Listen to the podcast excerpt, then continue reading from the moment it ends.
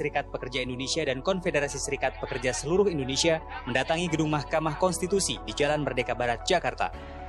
Hanya 20 orang yang diperkenankan masuk ke dalam gedung Mahkamah Konstitusi untuk menyampaikan petisi. Delegasi KSPI dan KSPSI menyampaikan sembilan pokok isu substansi kepada MK, di antaranya para buruh keberatan dengan Undang-Undang Cipta Kerja dan sejumlah poin mengenai upah dan hak buruh lainnya. Menyampaikan kepada Mahkamah Konstitusi kami percaya betul MK bisa menjadi benteng keadilan seadil-adilnya, bisa berpihak pada kebenaran, dan kami menyampaikan kalau keputusan MK mengecewakan rakyat Indonesia, mengecewakan jutaan buruh di Indonesia, pasti akan mendapat penolakan yang sangat besar di seluruh tanah air.